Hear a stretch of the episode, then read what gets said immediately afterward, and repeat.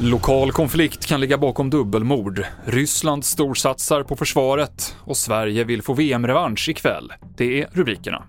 Ja, ingen är gripen efter skjutningen i Sandviken igår kväll där två män dödades, en i 20-årsåldern och en i 70-årsåldern.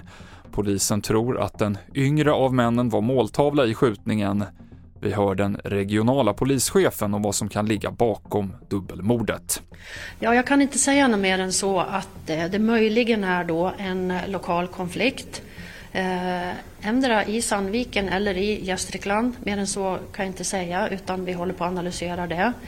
Eh, och eh, vi inte sen har vi också tittat på då, självklart om det kan vara någon koppling till nationellt och det ser vi inte så mycket tecken på just nu. Men vi vill inte låsa oss vid någonting. Katarina Bovall, polischef i Gävleborg. Ryssland satsar hårt på försvaret. Enligt ett budgetutkast som nyhetsbyrån Bloomberg tagit del av så siktar man på att lägga 1250 miljarder kronor på försvarsutgifter nästa år, mer än vad som läggs på välfärden i så fall. Och det skulle innebära 6% av BNP, att jämföra med 3,9% i år. Vidare till Afrika, där antalet noshörningar ökade förra året, rapporterar den internationella naturvårdsunionen. Enligt nätverkets beräkningar fanns det drygt 23 300 noshörningar i Afrika förra året, en ökning med omkring 5% jämfört med året innan, trots att över 500 noshörningar dödades i tjuvjakt samma år. Till sist landslagsfotboll, för ikväll så möter de svenska damerna Spanien på Gamla Ullevi i en Nations League-match som även fungerar som OS-kval.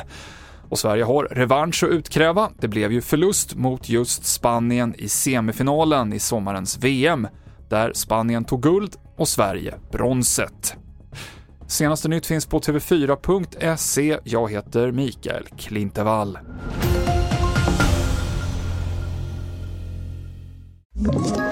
Ett poddtips från Podplay. I fallen jag aldrig glömmer djupdyker Hasse Aro i arbetet bakom några av Sveriges mest uppseendeväckande brottsutredningar. Går vi in med hemlig telefonavlyssning och, och då upplever vi att vi får en total förändring av hans beteende. Vad är det som händer nu? Vem är det som läcker?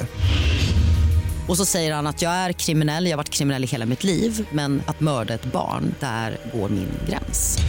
Nya säsongen av Fallen jag aldrig glömmer på Podplay.